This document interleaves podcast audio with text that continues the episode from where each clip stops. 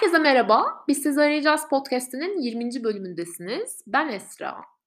Nasılsınız? Nasıl gidiyor? Eee, bayram tatilinden sonra, bu 4 günlük mini minnacık bayram tatilinden sonra umarım iyisinizdir. Eee, yani 4 gün bizim için yeterli bir tatil değil diye düşünüyorum açıkçası. Çünkü biliyorsunuz biz Türkler 10 günün altındaki tatile tatil demeyiz. Yani hatta 10 günün üzerine çıkması lazım diye düşünüyorum. Buradan yetkililere sesleniyorum. Lütfen tatillerinizi kısa tutmayınız. Daha uzun tatillere ihtiyacımız var. Bu ülke gündemi içerisinde umarım sesim duyulur diye düşünüyorum. Ve bugünkü konuya gelmek istiyorum. Hubris sendromundan bahsetmek istedim ben bu hafta. Çünkü beni tetikleyen bazı şeyler oldu. Bunlardan bir tanesi de Succession dizisi. Succession benim 4 sezondur çok büyük bir heyecanla izlediğim bir dizi. Dizi kendi hayatımdaki bazı şeyleri tetikledi açıkçası. Geçmişte yaşadığım bazı olayları. Yani her sezon tetikliyor aslında. Ve bununla birlikte tabii hani yine birlikte çalıştığım insanlardan da duyduğum işte onların narsistik eğilimli olan kişilerle olan e, ilişkileri, yaşadıkları zorluklar vesaire yine bu konuşmayı kon, e, konuyu konuşmamda etken açıkçası. Şimdi biraz Succession'dan bahsedeyim. Succession Logan Roy isimli bir medya patronu var Amerika'da. Adam gerçekten yani Amerika'nın ve dünyanın yarısına falan sahip muhtemelen. İşte dört çocuğunun e, şirketleri üzerindeki yönetimi, aralarındaki işte tartışmalar, kavgalar, rekabet bunların hepsi anlatılıyor. Ve bu rekabetin sonucunda da aile üyelerinin işte birbirlerine olan ihanetleri, sırları, çeşitli entrikalar üzerinden inanılmaz güzel bir kurgu var ve son derece hızlı, tempolu bir şekilde ilerleyen bir dizi tavsiye ediyorum açıkçası izlemenizi. Ve bence en ilgi çekici tarafı merkezde olan kodlarını bildiğimiz bir karakter var burada. Logan Roy. Geçenlerde bir podcast dinledim ve podcast'teki terapist e, Logan Roy'a hubris sendromu teşhisi koydu. E, ve hubris sendromu eğilimli hani narsistik örüntülere sahip lider kişi olarak tanımladı Logan Roy'u. Hubris e, her seviyede farklılık gösteriyormuş aslında kişilerde ve genellikle hani CEO, işte kurucu, yönetici gibi bu yönetim seviyelerinde sıklıkla görülüyormuş. Hubris'in kelime karşılığı kibir. Antik Yunanca'dan geliyor e, işte büyüklenme, kibir e, manasında tam karşılığı tanrısal ego olarak da biliniyor ve bu hastalık e, güç zehirlenmesi olarak tanımlanıyor aslında. Mitolojide de bir kahramanın kendisini diğerlerinden daha üstün görmesi, tanrısal özelliklere sahip olduğunu düşünmesi anlamındaymış zaten. E, Hubris sendromunun isim babası e, yani aslında e, psikolojik olarak bu terimi koyan kişi İngiliz siyasetçi Lord David Owen. Kendisi aynı zamanda bir terapist ve e, hayatı ve siyasi macerası çok tartışılan bir insan aynı zamanda. Kendisine de ilham olan kişiler genelde siyasetçilermiş. Yani işte David Lloyd George, ondan sonra George Bush, Bush Margaret Thatcher, Tony Blair gibi isimler kendisine bayağı bir ilham olmuş bu e, şeyi e, tanım bulmasında. Lord Owen e, bu sendromun onun e, hani narsistik kişilik bozukluğuyla çok ilgili olduğunu düşünüyor ve bu kişilerin dünyayı e, hani güç kullanarak yücel yüceleceği ve yükseleceği bir yer olarak gördüklerini söylüyor ve e, bazı özelliklerin olduğu olduğunu belirtiyor bu kişilerin. Mesela e, hubris sendromuna sahip kişiler her şeyden çok kendi imajlarını düşünüyorlar. İşte imajını güçlendiren davranışlara ağırlık veriyor özellikle. Onun dışında mesela yaptığı işlerin ve kendisinin nasıl bir görüntü vereceği dediğim gibi çok önemli. Bu konuda aşırı endişeliler bu arada. En ufak bir hani kendilerini kötü gösterecek bir durum bile onlar için çok büyük bir problem. Eee, onun dışında da mesela kendinden ve yaptıklarından bahsederken böyle aşırı bir heyecan ve coşku içerisinde. Eee, kendini inanılmaz bir şekilde yüceltiyor ve, s yönettiği kurum ya da insan örgütüyle kendini özdeş görüyor. Yani tek başına bir sürü insanın uzmanlığına sahip olduğunu düşünüyor. İnanılmaz büyük bir kapasitesinin olduğunu düşünüyor ve kendi çıkarına olan her şey kurum çıkarına aitmiş gibi eee, hissediyor ve diğer insanların çıkarları umurunda değil açıkçası. Kendi yargılarına aşırı güveniyor, başkalarına tavsiye vermiyor, eleştirilerine kesinlikle, eee, kulak asmıyor, gücünün her şeye yettiğini zannediyor ve yakın çevresinin ve kamuoyunun her türlü yargısından kendisini uzak tutuyor. Kendisini ancak Tanrı'nın ya da tarihin falan yargılayabileceğini zannediyor. Yani açıkçası biraz hakikatle bağını yitiren, huzursuz, umursamaz, eee, ve dürtüsel davranan kişilermiş bunlar ve, eee, en önemlisi de arkadaşlar hiyerarşik olarak kendisinden yukarıda olan kişilere saygı duyma ihtimali var bu kişilerin ama altındakileri aşağılıyor, görmezden geliyor, eee, ve korkunç bir manipülasyon yeteneği var. Eee, insanları çok iyi kullanabiliyor, sömürebiliyor ve onlara istediğinde kötü de davranıp istediklerini zorbalıkla, zorlukla yaptırıyor ve kesinlikle duygu anlamıyor, duyguları önemsemiyor. Eee, statü ve zenginlik dediğim gibi çok ciddi bir şekilde hak ettiğini düşünüyor ve kurallara kesinlikle uymuyor. Şimdi gelelim iş dünyasında bu hubris sendromlu kişilere bir bakalım. Siz hiç karşılaştınız mı bilmiyorum ama ben karşılaştım böyle birkaç profille ve teşhis koyacak bir terapist ya da psikiyatrist tabii ki değilim. Ama görünen köy de bir şekilde kılavuz istemiyor. Yani tabii ki her profil bu boyutta bir sendrom yaşamak zorunda değil ama kişiler güç kazandıkça maalesef ki o yüksek egonun esiri olabiliyorlar bir şekilde. Ben bu profilleri kendi çapımda biraz, eee, kategorize ettim ve açıkçası sizinle paylaşmak istedim. Özellikle yönetici seviyesindeki kişileri kategorize ettim. Mesela bunlardan bir tanesi, yani birinci profil tam olarak hubris sendromu içerisinde olup kendini tanrı ilan eden kişilik bozukluğuna sahip bu kişiler. Bu birincisi. İkincisi, bu hubris sendromu içerisinde olmasa da bu kişiler, hani, o dünya üzerinde, işte, mesela title'ını dünyanın en önemli hazinesi olarak gören ve yaşamını bunun etrafında döndüren, bana dokunmayan yılan bin yaşasıncılar var. Kendi bireysel çıkarlarını tamamen gözeten yine ama genelde o Mr. Mrs. Hubris'in yanında olan kişiler bunlar açıkçası. Daha az tehlikelisi diyebilirim bu kişiler için. Üçüncüsü ve bence en tehlikelisi egosantrik yapısını asla kabul etmeyen, sizi sonsuza kadar ka eee, manipüle edebilecek kapasitede olan ve herkes tarafından sevilmeye ve kabul görmeye çalışan, yüzünüze ve etrafına gülücükler saçan, arkanızdan iş çeviren yönetici profili. Bu çok önemli bir profil. Birazdan, eee, zaten daha da detayına gireceğim. Bu profillerle karşılaştığımızda neler yapabileceğimizi dediğim gibi anlatacağım ama önce şunu anlatmak istiyorum. Arkadaşlar bir şekilde bu profillerle karşılaştığınızda lütfen unutmayınız, bu kişiler hayatlarındaki büyük travmaların etkilerini başkalarına eziyet ederek, eee, sizi kabul etmeyen ve görmezden gelen kişiler. Hatta dediğim gibi bazılarının ciddi kişilik bozuklukları var ve biliyorsunuz normal hayatına devam etmeye çalışan bizler, yani biz faniler, eee, bu kişilerle böyle mücadele ederek, kıran kıra kırana mücadele ederek psikolojimizin bozulmasına sebep oluyoruz aslında ve zaten ülkemizde de benzer bir ortamın içinde olduğumuz için böyle ruhlarımızda bir double effect travma söz konusu oluyor ve en önemlisi ne biliyor musunuz? Biz bunun farkında olmuyoruz genellikle.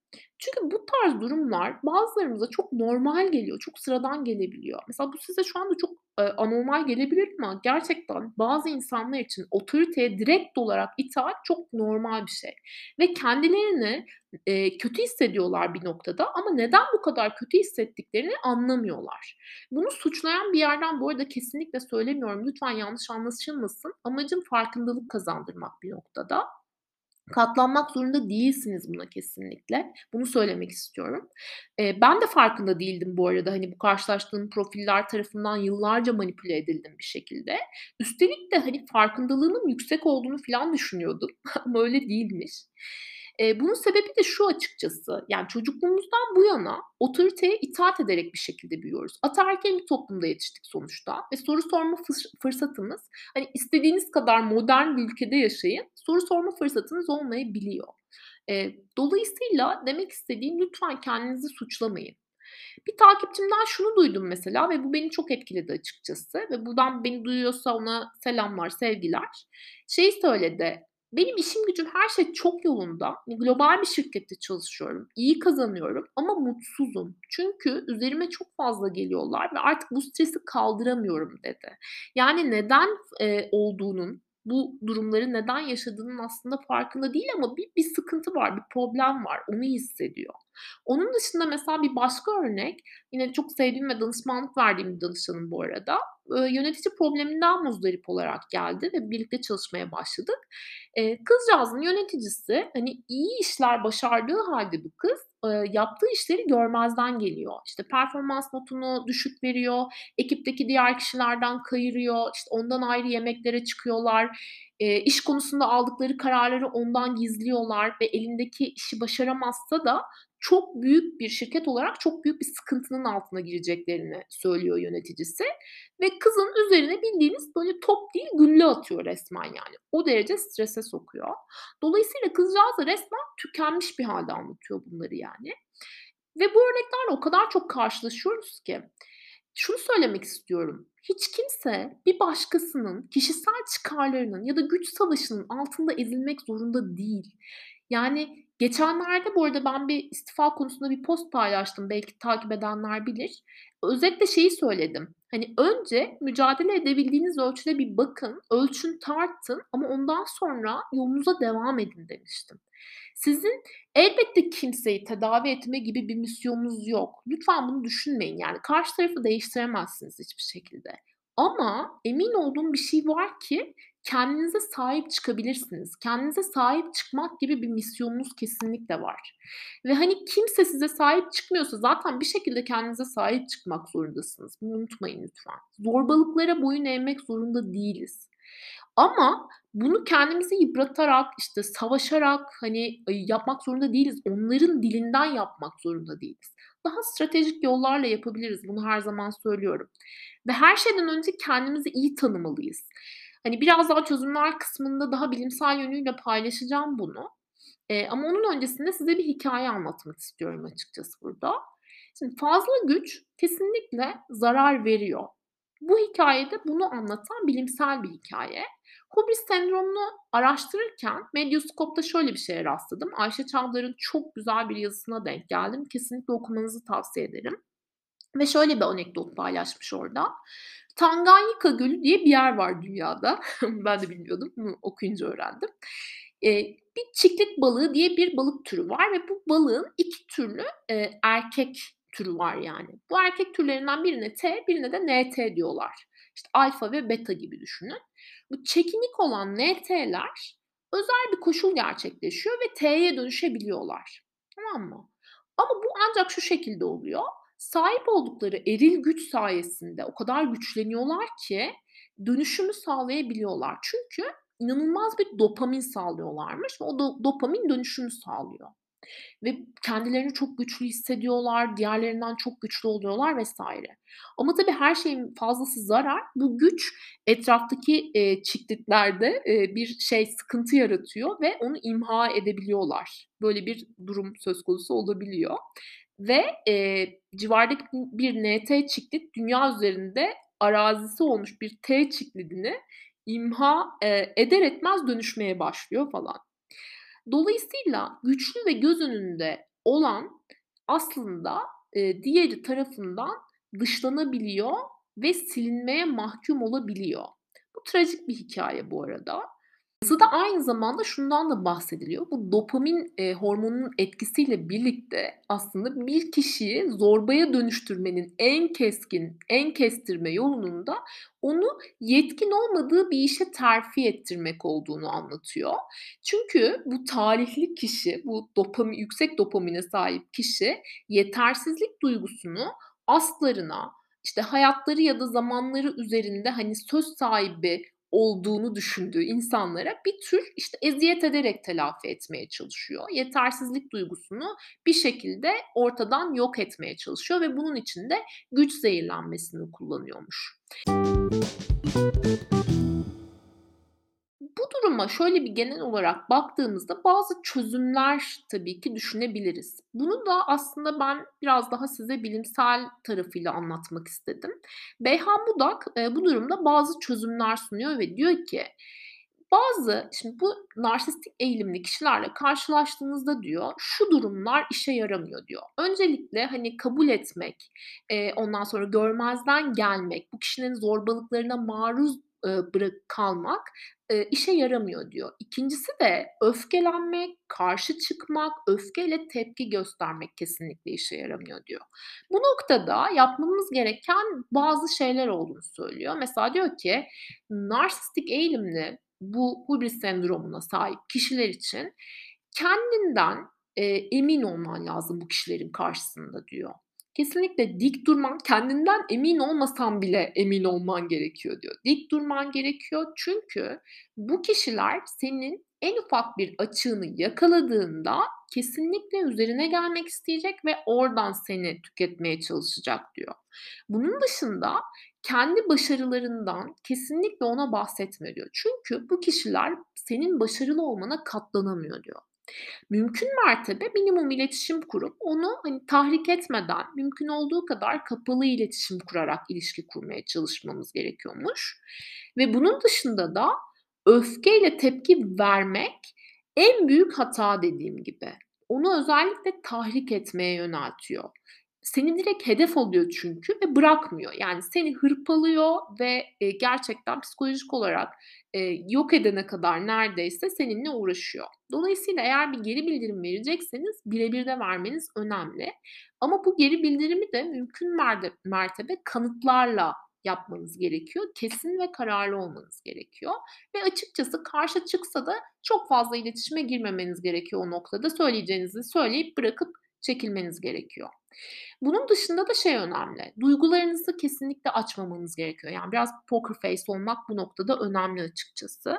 Eğer ki üstünüze çok geliyorsa ve kişilik haklarınıza bir şekilde saldırıyorsa, e, siz de insansınız sonuçta.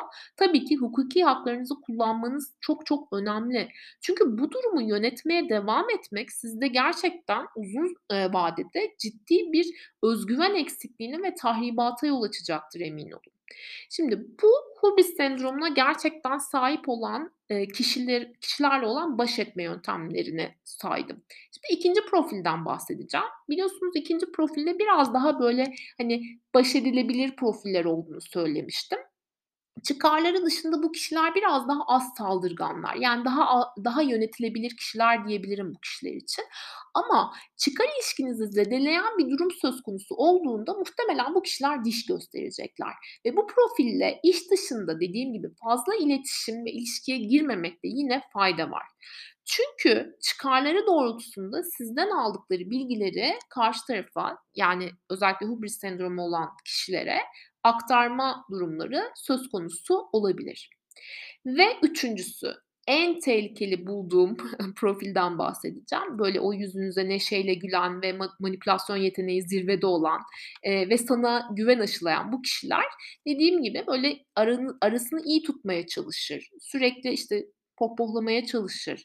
Hoşlanmadığınız, hani, ortak olarak hoşlanmadığınız kişilerle ilgili sizinle hemfikir olur ve, eee, bu konuda açıkçası dedikodu yapmaya çalışır. Seni sık sık bu arada, hani, takdir eder bir şekilde ama arka planda yok sayar. Gelişiminizi engeller.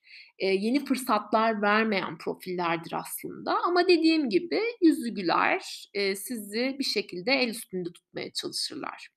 Şimdi bu profile karşı çok dikkatli olmalısınız. Bununla ilgili birkaç tane tüyo vereceğim. Bunlardan bir tanesi iş konusunda kesinlikle sınır koymanız gerekiyor. Alanınıza girmeye çalıştığında bunu çok açık ve net bir şekilde yapmanız lazım. Ama nasıl yapacaksınız biliyor musunuz? Bire birde Eee, yapın ama çok etkili olacağını açıkçası düşünmüyorum. Bu noktada kesinlikle ekip toplantılarında uygun, sakin ve tatlı bir dille sınırınızı koymanız çok çok değerli ve mutlaka sonrasında, toplantıdan sonra mutlaka yazılı olarak teyit edin.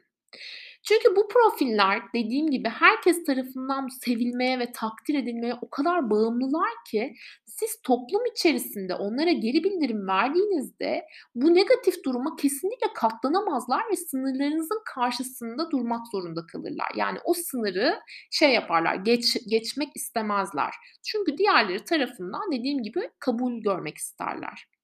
İkinci durumda, ikinci önemli tüyo da özel konularda kendinizi kesinlikle açmayın. Her zaman mesafeli ve sınırlı bir şekilde iletişime girin.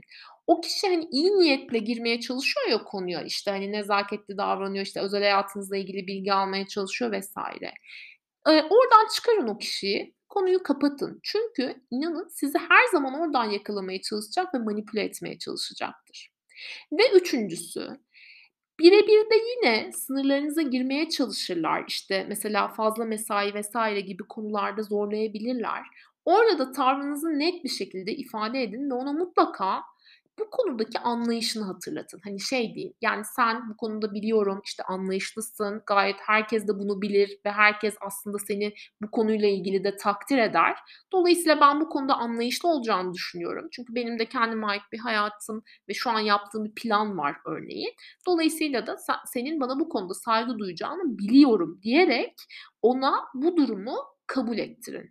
Kabul ettirebiliyorsunuz bu arada, emin olun. Eee, çünkü farklı olmayı şey yapamıyor, düşünemiyor. Hani, hem toplum tarafından, böyle, negatif algılanmak onun için korkunç bir şey açıkçası. Eee, o yüzden onun birazcık bu açığından faydalanmak oluyor ama sonuçta siz de bir şekilde kendinizi korumak zorundasınız. Yapabileceğiniz bir şey yok bir noktadan sonra. Evet, genel olarak aslında bu bölüm benim oldukça arka planda araştırdığım bir bölüm oldu gerçekten. Biraz detaylı olmuş olabilir, eee, ama en azından aklınızda biraz şekillendiğini düşünüyorum. Bu konuyla ilgili herhangi bir sorunuz ya da desteğe ihtiyacınız olursa lütfen benimle iletişime, eee, geçin. Gerçekten, hani, anlık olarak da destek olabilirim. Danışmanlık almak isterseniz o konuda da tabii ki elbette, eee, neden olmasın, destek veririm. Eee, her zaman, eee, sosyal medya hesaplarımdan bir şekilde bana ulaşabilirsiniz. Çok teşekkür ediyorum beni dinlediğiniz için. Bir sonraki hafta görüşmek üzere. Kendinize iyi bakın.